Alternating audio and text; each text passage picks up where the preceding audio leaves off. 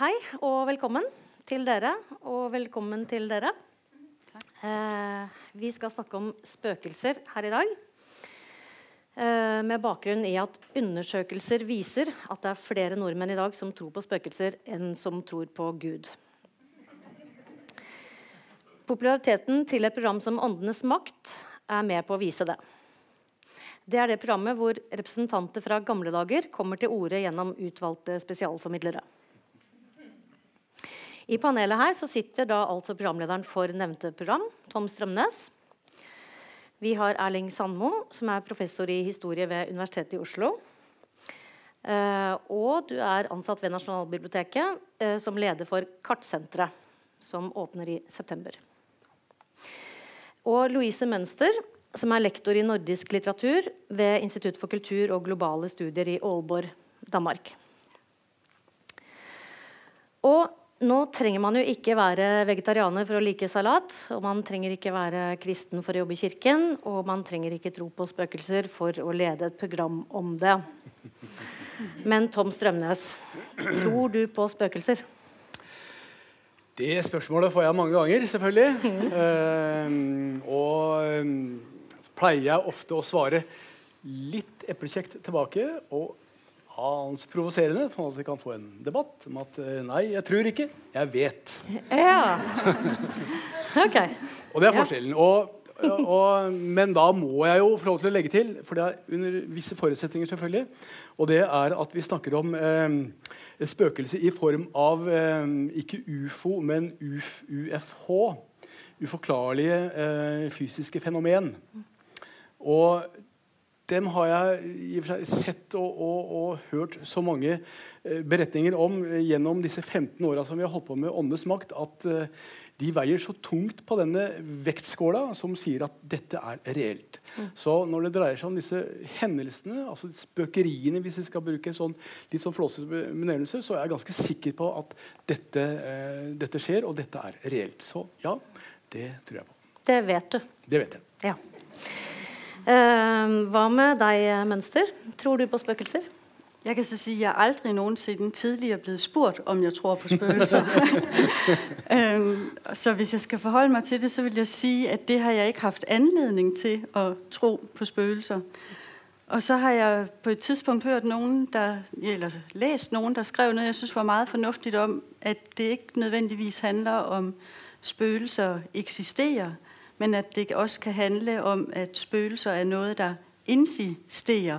At der er et eller annet der sådan, øh, på en eller annen måte henvender seg til oss. øh, og at det er viktig å kunne åpne seg for alle mulige øh, former for erfaringer av noe der er fremmed eller tvetydigt, som, øh, som på en eller annen måte vil oss noe. Mm. Det er litt i slekt med det du sier om at ikke, vi vet ikke hva vi skal kalle det, men det kan være noe. Det er noe som insisterer. Hva med deg, Erling Sandmo? Tror du på spøkelser? Altså, som, jeg, er, jeg, er, historiker, og jeg er litt interessert i, i spøkelsers historie.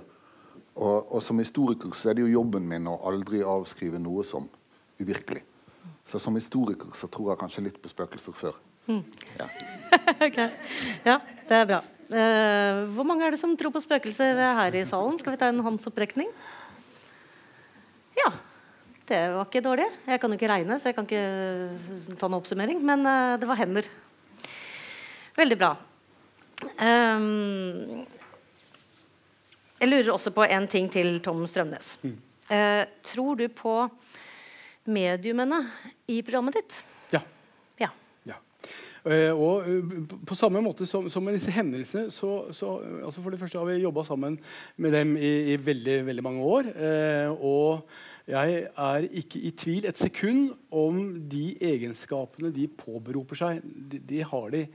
Eh, og de skiller seg i og for seg eh, fra oss fire, eller fra alle som er i, i rommet her, eh, på, på, den måten at de har en, eh, en, en, et talent eh, som, som er å registrere eh, og tolke signaler i omgivelsene våre som, som, ikke vi klarer. Mm. Som sannsynligvis har noe med, med, den sjette sansen å gjøre, hvis vi skal eh, Ja.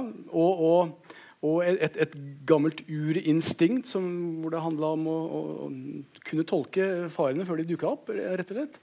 Eh, jeg har jobba såpass mye med dem, sett eh, at, og vet jo at de ikke har noe som helst informasjon om noe av det vi driver mm. med. De, ikke, de, har aldri vært en del av redaksjonen. De blir tilkalt, uh, og vi avtaler et møtested som er langt unna mm, dit vi skal. Og, og de har ingen, ingen, forutsetninger for å kunne få fram den informasjonen de får. Og det gjør at uh, jeg får hakeslepp uh, gang på gang. Nemlig å, å, å lure og, og spørre hvor i all verden får de dette fra?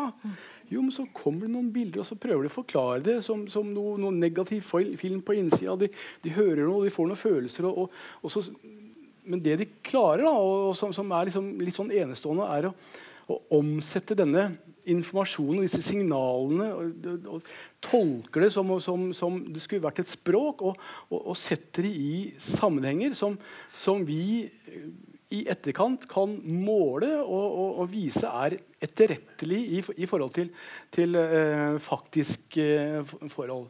Og, og, så kan man jo i og for seg begynne å lure på hvordan kan det ha seg, men det vet vi ikke så veldig mye om, annet enn at dette talentet har de. og jeg, jeg tenker at dette er et talent som Noen er flinke til å spille gitar eller hoppe på ski, så er de mm. flinke til å lese disse signalene. Mm. Men, men, det er noe som du uh, kanskje ikke trodde på eller hadde tenkt så mye på før, før du fikk det oppdraget om å være programleder i Åndenes makt for er det 15 år siden? Ja. så, så, dette er noe som du på en måte har øh, Ja, altså jeg har jo jeg tok ikke lang tid før jeg ble veldig fascinert av dette. Mm. Jeg, jeg, seg, som du sier, jeg hadde ikke noe særlig forhold til det i utgangspunktet. Jeg ble satt til å lese Eh, norske kommentarer på, på, den originale serien av Åndenes makt. Dansk serie. Mm. Eh, nettopp for at vi skulle gjøre det begripelig for, for nordmenn. Eh, Syns det var veldig interessant det vi så der, og særlig når de insisterte på at dette var i og for seg reelt. Eh, og, og, så eh, tenkte vi spøker det i Danmark, så spøker det ratt i Norge òg. Og, og, og, det viste seg at det har de gjort, og det gjør det grundig. Og, og, så spøkelset lever i, i, beste velgående igjen, for å si det, si det litt flåsete. Men, men, eh, det virker som om det er et næringsgrunnlag for å holde på noen år til for oss. Skjønner. Erling Sandmo, du har jo forska mye på mytiske havvesener på gamle kart. Um, og det var jo noe man trodde på før. Og du har allerede sagt til meg på mail at uh, det er ikke noen forbindelse mellom dette og, og spøkelser. Uh, så vi trenger ikke gå dit. Uh, men hva tror du da denne spøkelsets renessanse skyldes? At vi er så opptatt av spøkelser i dag? Ja, er det en, en renessanse? Eller har det bare vært helt jevnt? Den, den, tror jeg er ganske stødig. Altså, jeg, mm. tror at de har, jeg tror at spøkelsene har en historie, og at de har liksom forandret sin måte å opptre på og spøke på. Uh, men jeg, sant, jeg, vet ikke om de, har, om de, kommer så veldig tilbake. Altså. Men det er klart at de er, de er glad i medier. Sant? At uh, de er glad i nettet. Mm. Og de, glad, de, var glad i fotografiet. Sant?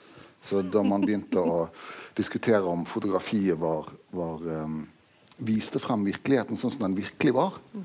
Så var jo et av bevisene på fotografiets troverdighet var at det kom med spøkelser. Mm. Så man, så, man så bedre enn i virkeligheten. Sant? At, at det fins masse spøkelser fra rundt århundreskiftet som er på bilder. At plutselig er Beethoven med på bilder fra Amerika. Mm. Og Abraham Lincoln. og sånt. Den ene etter den andre kommer i hvite klær og med utgrunnelige ansiktsuttrykk. Så de har, eh, de har, vært der lenge, og de har vært glad i, i bøker og fotografi, og veldig glad i film, selvfølgelig. Og, mm. og på nettet. Så, så, de melder seg på hver gang det skjer en eller annen slags medieomveltning. Ja, mm, skjønner. Um, men, men altså alltid vært der med altså, Hvis Adam og Eva var de første menneskene, eller hvis Ask og Embla eller, altså De aller første menneskene de hadde vel ikke noen spøkelser å ty til?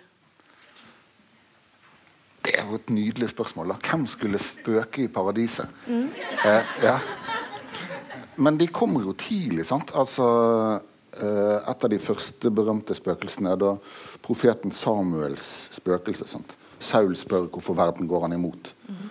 Eh, og så påkaller han profeten Samuels spøkelse, som sier at, at Gud elsker dere ikke lenger. Som er helt klart noe av det verste noe spøkelse har sagt til noen. Det, er jo, det, er jo, riktig. Han har en førstehånds kjennskap til dette. Men de, de har kommet inn uh, veldig tidlig. Så det er noen mm. i Bibelen også som har, som har vært besværlig i ettertid. Ja, akkurat. Og de fant jo også et medium, da. Bibelen, på en måte. Ja, eh. ja, sånn, ja. og heksen i Endor var et tidlig medium. Ja. Mm. Ikke se bort ifra at hadde, hadde Åndenes makt eksistert for 2000, drøyt 2000 år siden. Godt mulig at vi har blitt oppringt uh, rundt noen begivenheter uh, ja. Jeg trodde at Saul, hadde, hadde Saul tatt den telefonen? og hadde du sagt til han at Gud elsker deg ikke mer? Nei, men jeg hadde sagt at uh, nå, nå må du, er, er, det flere enn deg som har observert dette? Nettopp. En liten opptelling der. Uh, men, men uh, Strømnes, uh, apropos det, da. Altså, åndenes makt har jo som motto 'der vitenskapen ikke strekker til'. Og det låter jo liksom som, som at åndenes makt da på en måte har kommet lenger enn vitenskapen. at vitenskapen kommer til kort, på en måte. men er det valgt for å komme skepsisen i forkjøpet, eller for å holde ting åpent? Nei, og ærlig talt så ble jeg litt overraska når når du sa at, eller varsla at du skulle spørre om det spørsmålet, for, for det var helt nytt for meg. jeg har ikke, uh, ikke, funnet på det. Jeg tenker at Det var litt sånn klønete formulert. Ja, TV Norge som har formulert ja, TV Norge har for, formulert det. Litt, litt sånn overambisiøst. Og, og kanskje, kanskje, skal de provosere litt. Jeg vet ikke. Men, mm. men jeg, jeg, tror nok at tanken bak det er at, at kanskje vitenskapen har vært utilstrekkelig eh, på den måten at, at dette, dette har man ikke klart å måle i veldig stor utstrekning. Verken hva disse hendelsene handler om, hva, hva, de er et uttrykk eller et resultat av, vet man egentlig veldig lite. Eh, de, altså, de klarsynte har som sagt sin teori om, om hva dette handler om. Eh, og på samme måte så, så har det vært, vært veldig liten vilje, tror jeg, til å, til å, gå veldig dypt inn i, i hva dette klarsynet og hva, det hva si, disse mediale egenskapene også handler om. Så, så, og jeg tenker at, at eh, og, og, og, mener ganske inderlig at, at jeg syns at uh, spøkelser nå, bruker vi det ordet, men, men, men disse fenomenene, disse hendelsene, i større, mye større grad bør tas på alvor. Mm. Uh, og, og, og, vi har jo på en måte hva skal jeg si, dokumentert dette så grundig og godt og gjennom et så godt kildemateriale, som jo faktisk dette har blitt etter alle disse årene. En helt utilsikta eh, konsekvens av at vi har holdt på i alle disse årene. Vi har snakka med flere hundre eh, mennesker i alle mulige samfunnslag fra alle deler av landet, i eh, alle mulige yrkeskategorier, ja, med forskjellig livssyn. Altså et, et bredt og solid grunnlag av befolkningen som forteller og, og, og har erfaring og til og med dokumentert disse hendelsene i, i, i stor utstrekning. Og dette er jo intet mindre enn sensasjonelt. Mm. At det billedet der kan flytte seg derfra til dit mm. uten hjelp, mm. er en sensasjon, verken mer eller mindre. Og dette tror vi ikke noe på, for dette er ikke mulig. Dette kan ikke skje, derfor så tror vi ikke på det. Og så finner vi på alle mulige andre årsaker. Eh, fantasi, innbilning, eller som hva skal jeg si, de, de mest prinsipielle skeptikerne, som liksom klorer seg fast i det at vi ljuger. At dette er løgn og iscenesatt og konstruert og avtalt spill og betalt og det ene og det andre. Det er det jo selvfølgelig ikke. Da hadde vi vært av lufta etter to sesonger. Men mysteriet med det brilleturet som flytter seg derfra til dit uten hjelp, det tenker jeg bør pirre litt til en eller annen uh, forsker. Mm. Men, men, du, eh, skal, for nå har vi lagt opp til at vi skal snakke om liksom, vi skal kalle det spøkelser. Og, mm. og du sier jo hendelser ja. uh, mer, men, men uh, la meg bare få holde på spøkelser uh, i det, det neste kritiske Alvorelser. alvorelser. Neste spørsmål nå, da. Mm. Fordi at det, det, som har slått meg, til tross for at det er rart at den flytter seg der til, eh, til dit, altså. Men dramaturgien, for dette er jo et TV-program, dramaturgien i Åndenes makt, som jeg da ser veldig gjerne på, må, må bare sies, den slår meg som ganske lik. Ja. Eh, altså Det er ofte en eldre, litt streng kar eller frue som har hatt et spesielt ansvar på stedet, og som ikke liker at ting blir forandra. Og han eller hun lager da eh, baluba, og så kommer det et medium og slår på noen klokker eller sier mm, sånn, og så er problemet løst. Ja. Og jeg tenker, Er det litt sånn liten, er det sånn dårlig fantasi hos spøkelser eller alvorelser? Ja, nei, men det har jeg også i og for seg lurt på mange ganger. fordi at eh, øh, jeg har ikke noe godt svar, egentlig. Eh, for dette, jeg, har jo ikke den innsikten. Eh, og i og for seg formidler det disse klarsynte oppfatter og forteller. Og, og, og de forteller ofte sånne historier. Mm.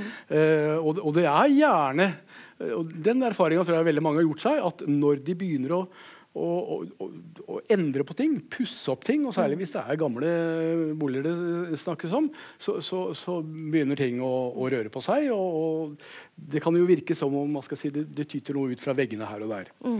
Eh, men, men nødvendigvis er det ikke sånn at dette er en, en slags fasit. Det er nok mer, mer, variabelt enn som så. Men eh, jo da, det kan jo også tenkes at, eh, at har sånne sammenhenger også. Hvorfor, vet jeg ikke. Det kan jo være en kultur. Men er det, er det, er det sånn at, at, eh, at, det er en agenda i programmet å få spøkelsene til å falle til ro? Ja, og det er et veldig viktig prinsipp. fordi at det er jo en i og altså, vi, Hvis vi tar utgangspunkt i denne, dette brilleetuiet, som nå har blitt en del av hele pakka her så lurer vi på hvordan i all verden er det dette kan flytte seg dit. Og så har de da kanskje vært og spurt en elektriker eller vaktmesteren. De har sjekka for jordstråling. Nei, det var ikke tordenvær, det har ikke vært noe jordskjelv heller. Det er ikke Naboen har ikke sprengt tomta si eller noe sånt. Noe. Altså, det er liksom ingen, ingen vettue betingelser som skal få den til å flytte dit. Så de eneste som våger seg på en eller annen sammenheng, er disse såkalte klarsynte. Mm. De mener å kunne sette dette i sammenheng med personer som har uh, vært uh, virksomme før, men, men, som nå ikke fins lenger. Altså døde personer. Um, uh, og så beskriver de da hva skal jeg si, uh, kilden for oss så godt de kan, ved, ved, å tolke disse signalene og gi oss et inntrykk av, av hvem dette dreier seg om. Uh, og, og, ofte med, med, sånne detaljer som, er helt, helt ekstremt gode og signifikante, og, og, og som du som sagt ikke har noen forutsetninger for å vite noen ting om. I etterkant går vi da og, finner ut om det er spor av denne historien i faktiske forhold. vi søker gjennom alt som fins av registre og tilgjengelig kildemateriale for å, for å, kunne spore denne historien. Og så kommer det viktigste. Så ber vi dem jo, men her nå har du funnet årsaken til, til forstyrrelsene, til hendelsene. Fjern den. For da tenker vi at da bør det stoppe. Hvis du, hvis, du, skrur av bryteren, så bør det liksom holde opp. Og det gjør det da påfallende ofte. Mm. Og Det er jo i og for seg dramaturgien. Det, det er, så sånn sett så er jo dette på, langt på vei målbar. Altså Hvis det da blir stille, så er det nærliggende å spørre seg eller tenke seg jo at jo, det er en sammenheng mellom hendelsene og den klarsyntes teori om årsak. Mm. Men det og, Kjennes det ikke av og til som en litt trist slutt? Det er liksom som en en fiskeforsker som bare etterlater seg en stim av altså, døde fisk? Ja, ja. det, det, men, men jeg, jeg, tenker kanskje tvert om, fordi at dette pirrer liksom nysgjerrigheten kanskje i enda større grad. fordi at det, det, reiser noen sånne veldig sånne betydelige eksistensielle spørsmål. Både om, om vår eksistens, om, om, hva som skjer rundt oss. om Har vi, har vi oppfatta naturen riktig?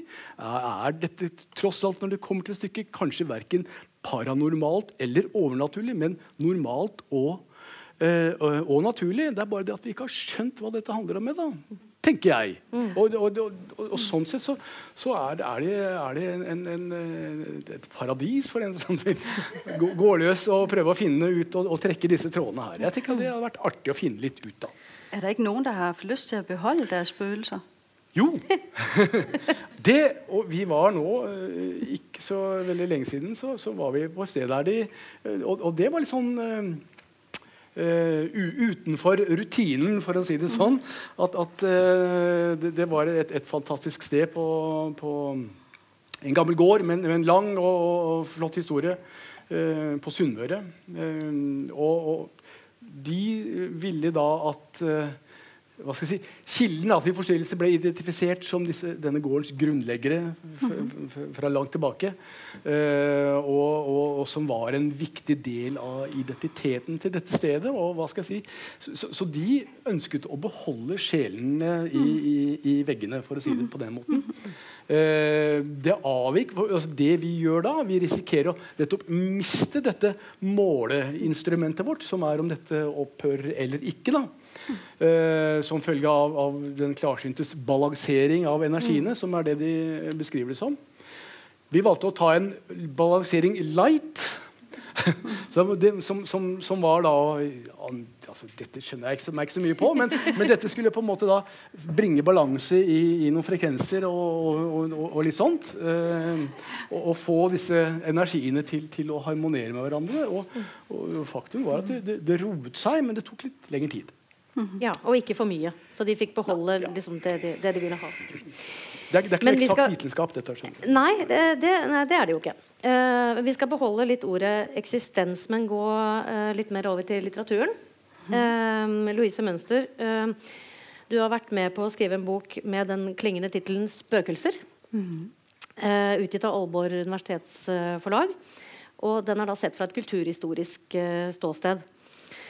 Og boken ser på gjenferdet som kulturell og estetisk figur. Så det er en annen innfallsvinkel til, uh, til spøkelset, da. Um, og du har tatt for deg spøkelsets rolle i poesien med artikkelen 'Huserende spøkelser' hos Henrik Nordbrandt, Thomas Tranströmer og Søren Ulrik Thomsen. Og dette er jo tre betydelige danske og svenske poeter. Mm -hmm. Og du skriver at de alle har et sensitivt blikk for de forunderlige sammenhenger som kan oppstå på tvers av alminnelige forestillinger om tid og rom, og at hos, hos de alle så huserer spøkelsene. Her er vi litt inne på det å åpne opp for. Eh, sånn? ja. eh, kan du si litt mer om hvordan de poetene bruker spøkelset som figur litterært? Det kan jeg også, når jeg sådan spørger til deg, det der med om folk ikke har lyst til å beholde deres spøkelser. Så kan man si, så er det også allerede inne i i den her diskurs. Ikke? Fordi det er noget også med, at, at spøgelset, når man bruger det i en litterær sammenhæng, at så bliver det tit en figur, der peger på øhm, fortidige ting, fortrængte øh, aspekter, et eller andet, som rumsterer i baggrunden, men som måske er vældig vigtigt for os at, at blive opmærksom på og få konfronteret os med. Jeg har skrevet om det i forhold til de her um, lyrikere, hvordan de har en lang række um, digte, hvor huse er sådan det centrale sted. Og der er jo netop det her med, at huse og spøgelser ofte hører uh, tæt sammen, og det gør de i hvert fald i litteraturen af flere forskellige årsager. Også fordi Huse er måske sådan det mest kendte billede på i virkeligheden, hvad et menneske er. Altså hvis man af, altså, de kender begrebet også som jeg-huse, at huse bliver repræsentationer af, af mennesker og af den menneskelige eksistens. Så på den måde, hvis man også ønsker at nå øh, frem til ordentlig erkendelse af sig selv og hvem man egentlig er, eller af det hus, af den fortid, af de forskellige historier og sådan noget, som man er en del af, og som muligvis er indlejret i væggene eller andre steder, og at man lærer at bebo det hus selv, som en selv også er, så har man brug for spøgelser nogle gange, og man har brug for at beholde sine spøgelser og få set dem ordentligt i øjnene. Mm. Øhm, og øhm, det er i hvert fall det, som, som noen av de her øh, digter også øh, øh, skriver om, som jeg har beskæftiget meg med. Mm. Så på den måde så bliver spøgelset, kan man sige, sådan en meget produktiv og egentlig tit en meget positiv øh, figur for, at, øh, at verden er mere åben og bred, at øh, tiden ikke bare følger en øh, lige rakt øh, linje, men at der hele tiden er sådan nogle interaktioner imellem det, der er vores fortid og det, der er sket tidligere, og hvad det så er, øh, vi er i stand til at gøre nu, og også igen i sådan en forudgriben af, hvad det er, der kan ske senere. Mm. Og det, det, det, det bruger øh, de her digter kombinasjonen kombinationen av huse og spøgelser øh, til å vise noe om. Og da er jo spøkelse, hvis vi bare skal holde på det, det begrepet, da, en, en metode og, og, en figur og et, ja, et yeah. bilde yeah. som man kan bruke for å bevege seg mellom tider, f.eks. Ja. ja. Jo, altså sådan, spøgelset bliver en form for, for metafor, kan man sige, for, for det fraværendes genkomst. Mm. Eller det, det, det, hvad hedder det, altså en, fravær, en nærværende gørelse af det, af det fraværende. Ikke? Og på den måde sådan den her åbenhed for, at, at historien øh, består af, af flere øh, lag, og at vi aldrig står her sådan isoleret set, ikke? men hele tiden har et større dyb, som vi, øh, som vi hvad hedder det, trækker på og er præget af. Mm. Ja, og en av, Nå husker jeg ikke hvilken, om det var eh, Thomsen uh, i den, din artikkel, uh, mm -hmm. som, hvor du også skrev at i hans lyrikk så kan du se at det er heller ikke bare det at du er helt alene som forfatter, men andre tekster, andres tekster skinner gjennom. Så der er du også en Ja, ja altså det, det, det igen. Altså spøgelset bliver jo på den her måde altså et helt andet type begreb, end det mm. vi taler om, når vi taler ja. om åndernes magt. Ikke? Altså, fordi så bliver det en meget vid metafor. Mm. Øhm, og det vil så i den sammenhæng også sige for intertekstualitet i det hele taget, altså at der er andre stemmer, som altid trænger sig frem, også når, når, man, når man selv også som øh, forfatter skriver, ikke? så står man på andre skuldre, og der mm. er andre øh, sådan ekoer af ting og sager, sager, der er blevet sagt og skrevet før, som man tydeligt kan, kan fornemme. Men i alle fall, når du snakker om å ville beholde sine spøkelser, så, så kan jo kanskje forfattere ønske det. Altså det, det at man har den gjenklangen eller uh, i uh, Ja, at man kan bruke det aktivt, da. Det er en uh, Ja. ja. Men også, altså, der er også en del, der, der bruger Nu taler vi lige om, om lyrik i den her sammenhæng. Vi kan også tale om Olga Ravns øh, roman Celestine, som er ikke særlig gammel, fra 2015. Øhm, og i, i sådan en sammenhæng, der bliver øh, spøgelserne også gjort aktive i, i forhold til at, at skrive historien om et, et skadet skilsmissebarn. Mm. Altså et, et barn, som hele tiden har følt sig i, i transit, øh, som hele tiden... Eller som opplever at have svært ved egentlig at komme til at stå sikkert og selvstændigt i sit eget liv, fordi man på en eller anden måde har øh, været udsat for altså skilsmisser behøver ikke nødvendigvis være traumer, men alligevel noget traumatisk øh, i sin opvækst. Øhm, og, i, og i den forstand, så, øhm, ja, altså så bliver, bliver spøgelset også den her øh, figur for, for noget, som man har behov for mm. øh, at komme til erkendelse med en eller anden form for sovearbejde, man skal fuldføre og sådan noget for ordentligt og, og kunne blive nærværende og, og virkelig øh, til stede selv. Ikke? Mm. Og samtidig transitt, som du sier, mellomposisjonen som spøkelset har. Da. Det, er aldri, det er ikke helt ute av det og ikke helt inne i sitt neste. Så det er en mellomposisjon. Yeah. Men, men, har du et eksempel eh, fra ja, jeg dine, dine studier? Jamen, jeg sad og tænkte på, hvad, fordi øhm, jeg kunne også give et eksempel på nogle steder, hvor, øhm, hvor, hvor spøgelserne faktisk har svært ved at være. Ikke? Fordi spøgelser de trives vel bedst der, hvor der er netop en historie, og hvor der er levet liv. Det er også derfor, at øh, der er også nogen, der siger, at i virkeligheden så er der ikke nogen steder, der ikke er hjemsøgte i en eller anden forstand. Ikke? Fordi steder, det bliver rum først, når vi knytter historier og erfaringer til dem, når vi faktisk har en eller anden fornemmelse af at kunne høre til, altså stå i en personlig relation til det. Så hvis steder så til gengæld er gjort sådan fuldstændig sterile og kønsløse og nye, eller det ved jeg ikke. Det kan også være, at du kan fortælle om, om fuldstændigt nye steder, der ikke... Men så kan det være, at så har de måske bygget oven på et eller andet, eller hvad ved jeg ikke. Men jeg vil gerne give et eksempel her mm. på et, øh, et lille kort øh, øh, digt, øh, der også tematiserer spøgelser. Men her har de altså svært ved at kunne finde sig til rette. Og det er fra øh, Søren Ulrik Thomsens øh, digtsamling øh, Rystet spejl. Mm. Og det lyder sådan her. Jeg drømte, at jeg stod i den dystre villa, hvor optagelserne til mine mareridt som regel finder sted. Men væk var vindeltrappen, de hemmelige døre og den bundløse kælder, og alting nu så luftigt, lyst og genrenoveret, at ikke engang spøgelserne længere turde overnatte. Og mit halvgamle læme med sjælen på slæb lignede et uhyrligt medicinsk præparat i de stilfulde stuer, hvor en sval jazz svævede fra højtalerne, og brisen løftede de lette gardiner. Så øhm, der, øh, der er alt nu så gennemrenoveret, som der står, ikke? at der har spøgelserne faktisk ikke længere sin plads. Og de der forestillinger om, at spøgelser ellers hører til her, hvor vi har hemmelige døre, vindeltrapper og kælder og huse i mange nivåer. Ikke? De er forvandlet til noe ganske annet. Mm. Ja. Um, Erling Sandmo, nå har vi da hørt om spøkelser i poesien. Uh, men er det ikke noe prosaisk over spøkelser også? Altså De banker og velter ting. altså De deklamerer jo ikke høystemt poesi sånn som vi kjenner dem. Sånn som han kjenner dem. Nei, nei det er nok veldig sjeldne. Uh, Nei altså, De er jo ikke prosaiske. De er jo omgitt med, med alt det der som er det motsatte av, av hjemmet, også når man går, går, langt tilbake.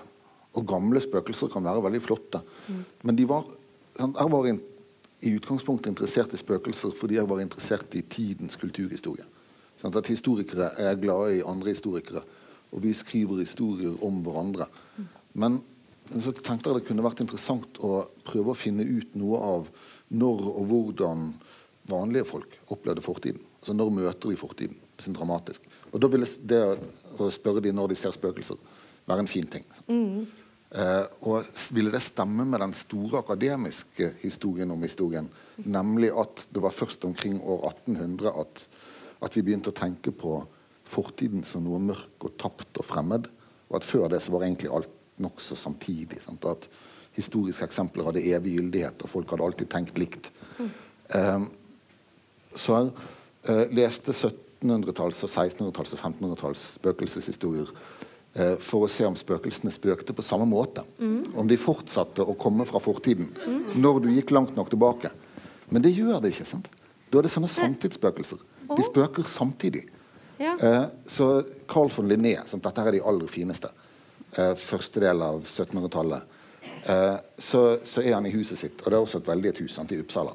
Og Der ligger han nede i sengen sin i første etasje sammen med konen sin. Fru Linné, og de har det helt sikkert kjempefint.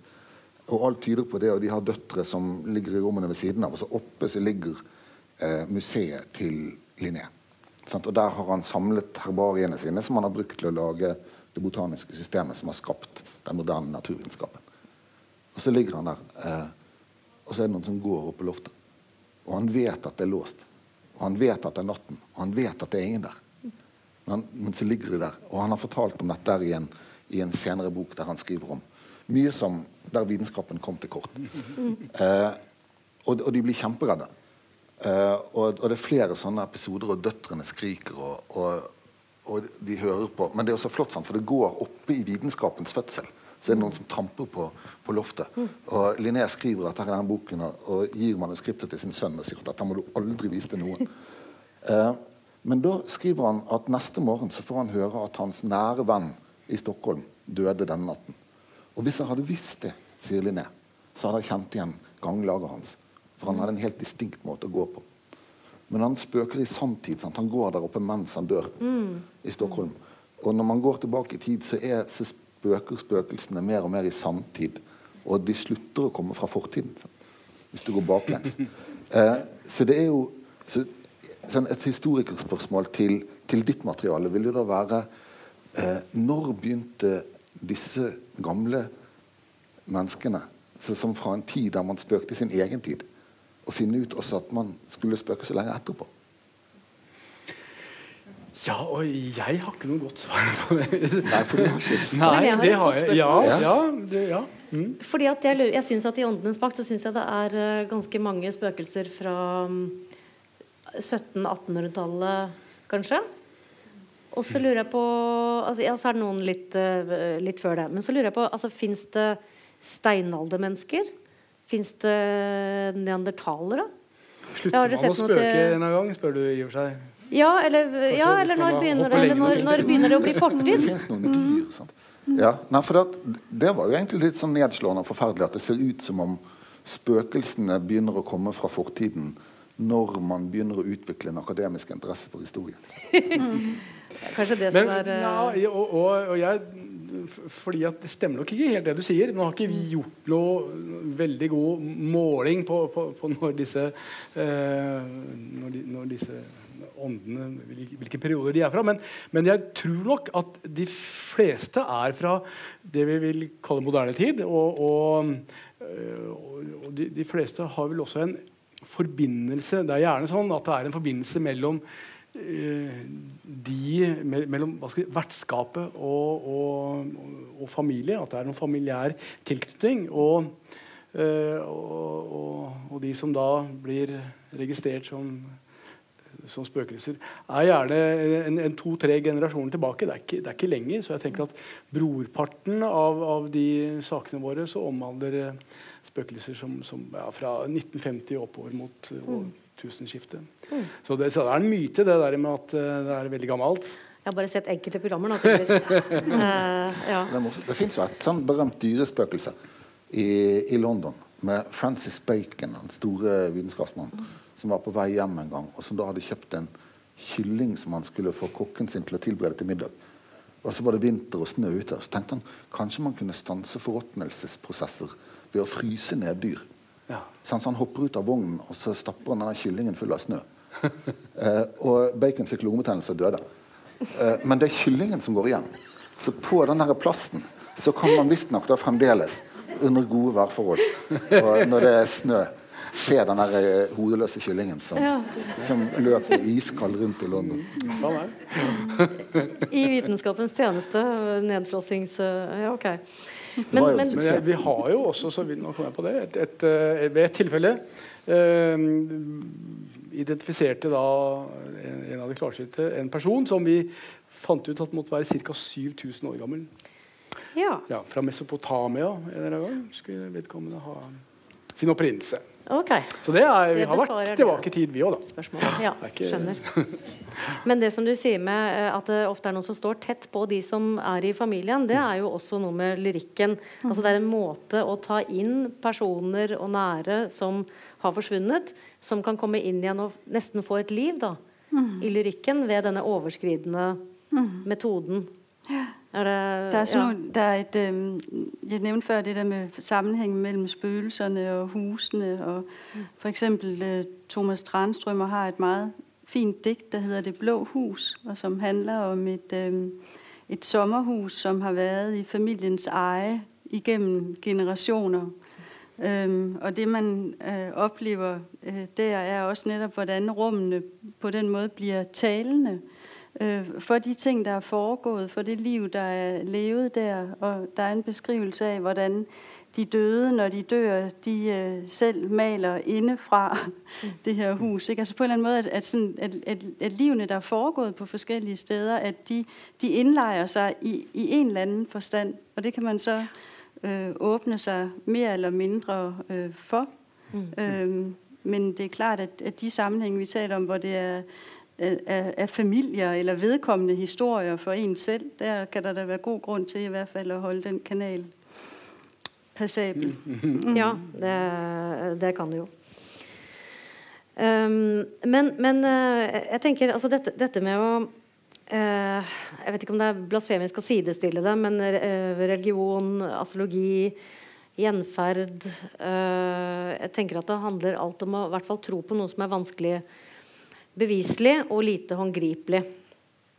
Eh, handler, det, eh, handler, det, også om at vi er litt lei av alt som syns hele tiden? Litt sånn alt er oppdaget-trettheten? Uh, altså noe sånn, liksom Spøkelsenes virkelig sånn store øyeblikk tenker jeg det er, er 1500-tallet. og etter reformasjonen. Og Der er problemet det motsatte. Hva skal du gjøre med alt man kan se? Fordi Frem til reformasjonen så var det en utbredt teori, eh, kristen teori at eh, når man så døde mennesker, så var det fordi de var i skjærsilden. De, de, var på vei enten altså de var på vei mot paradiset, men de var på dette helt forferdelige stedet, skjærsilden. Eh, og når man så spøkelser, så var det fordi at de kom ut av skjærsilden. Og de var jo nylig døde. Så kom de ut der og ba om hjelp til å komme videre, så at folk skulle lese messer og be for dem. Sånn. Eh, men så avskaffet jo reformasjonen skjærsilden.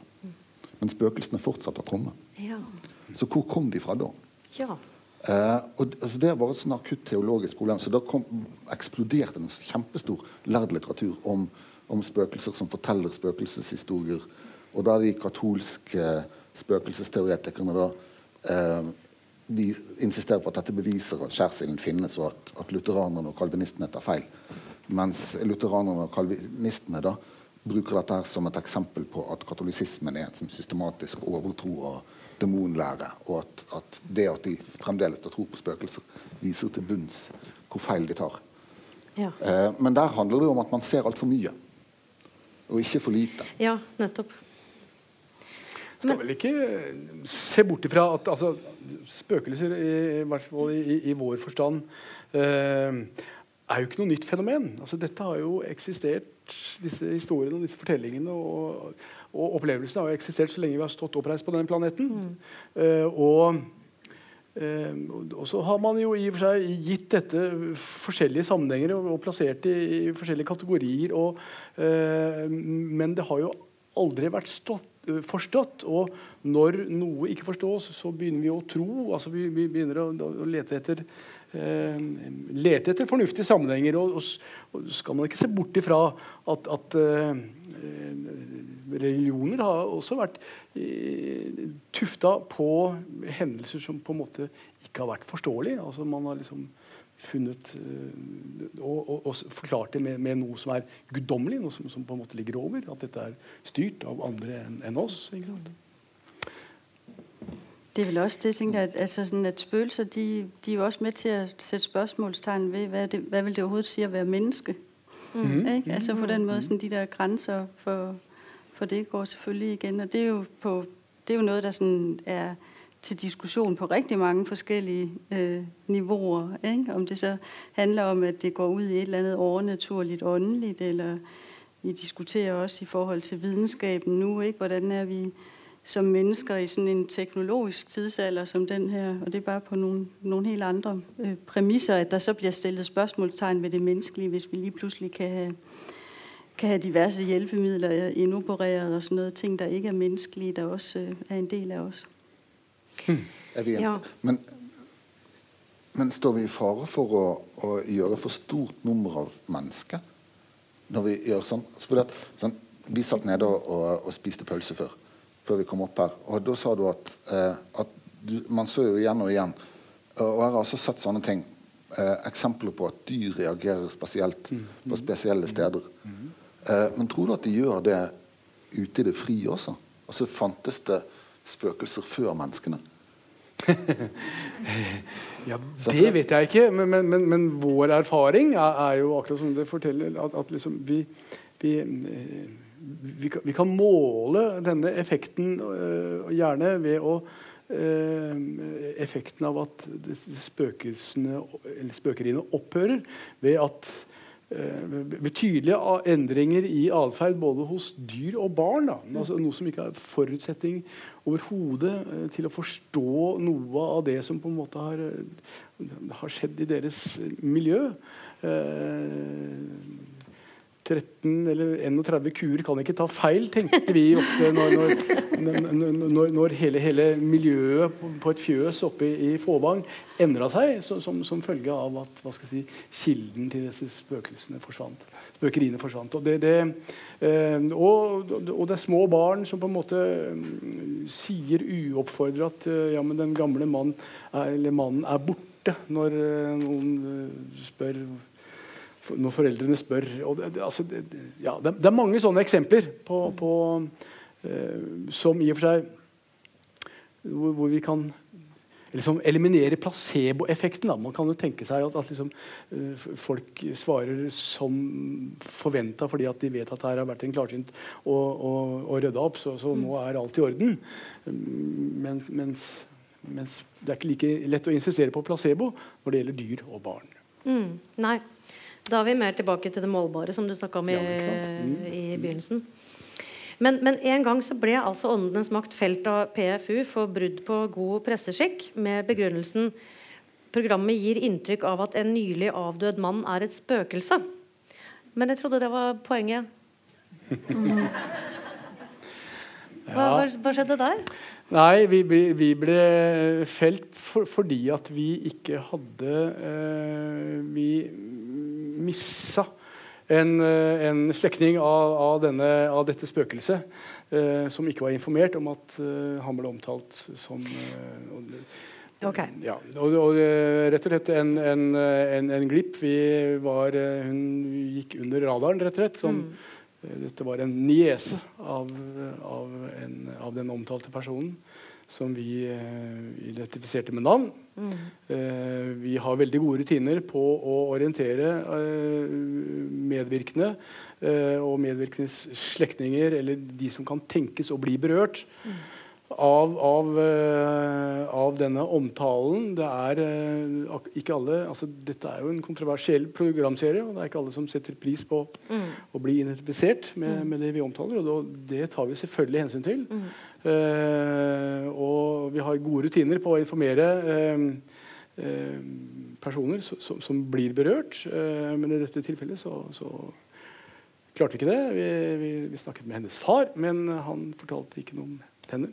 Og det, vi beklager det, men ja, sånn er det. Ja. Sånn er det felles. Nei, men da, altså varsomhet hele, hele veien. Liksom, det var ikke, det var ikke konseptet. har også var, et rettsvern, ja. så vi må klare, klare det. Ja, ikke sant. Vel, da skjønner jeg det. Man snakker vel liksom om etikk, altså bare for å komme tilbake til det som du la opp til i sted, med, med, at det å snakke om spøkelser handler om å reflektere grunnleggende om hva det vil si å være menneske. Mm. Så er det jo en etisk diskusjon mm. sånn også i, i ditt materiale. Mm. Jeg synes Ja, det kan det godt være. Jeg sad og tænkte på, at der, der også altså, der kan være etik, øh, måske på, på mange niveauer i, i, i det her. Altså, men det var, jeg, jeg kom hen et andet sted i min, min tankerække der, fordi jeg, jeg tænkte på, det, hvis jeg sagde noget med, at, at øhm, i begyndelsen, at det ikke handlede om spøgelser eksisterer, men om, at der er noget, der insisterer. Mm. Øh, I den der forstand, at der er, er noget på en eller anden måde, som, som henvender os eller henvender sig til os, og en eller anden øh, åbning for, eller en fordring om, eller et eller andet med, at vi er, vi er åbne også over for det, der er fremmed for os, og som, øh, som har anderledes øh, tvetydige øh, eksistensformer, eventuelt. Ikke? Mm. Øhm, og, og det kan da i hvert fald være en eller anden form for, for etisk øh, fordring også, som ligger i det. Men det er nok på en lidt anden måde, end det du sigtede til, når du spurgte. Mm. Mm tror jeg nok også altså, det har, det har, noe med den, benevnelsen vi bruker. Spøkelser jo, mm. er, er, jo det er, det er, en veldig stigmatisert gruppe. Vi kan ikke si noe annet. Uh, det, og, og, og, spøkelser er altså Bildene vi får, er liksom laken uh, med svarte høl, og, og, det forbindes med noe som er ondt, og det ene med andre.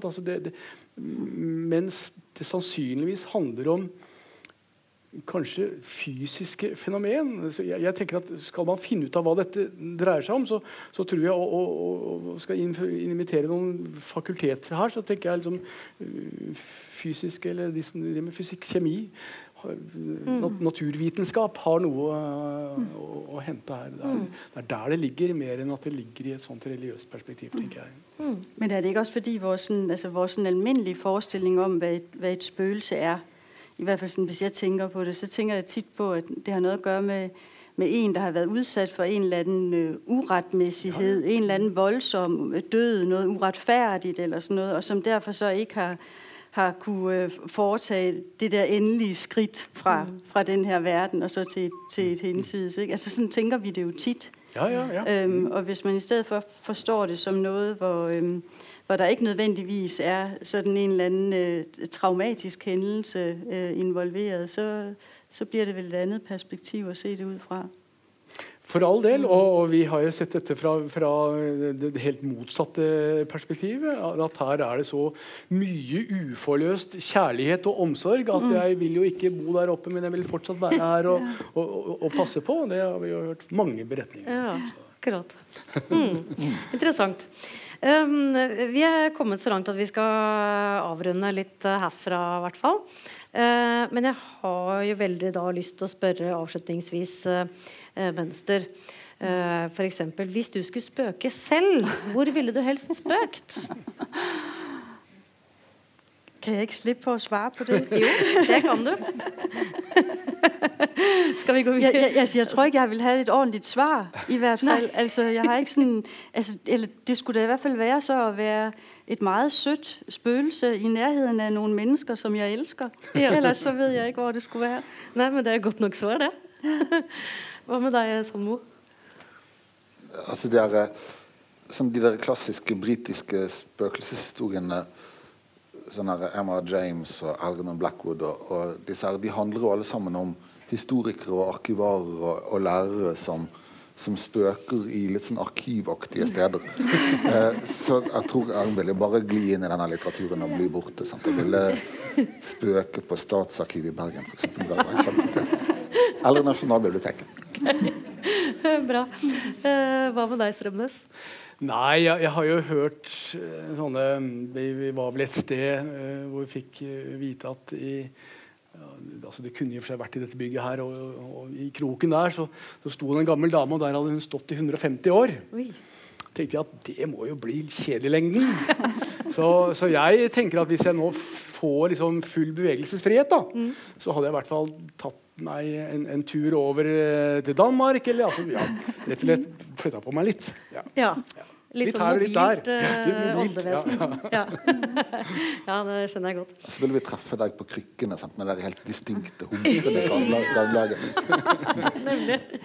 Jeg troede faktisk ikke, spøgelser kunne det der. Altså, kan spøgelser godt sånn kryss alt mulig?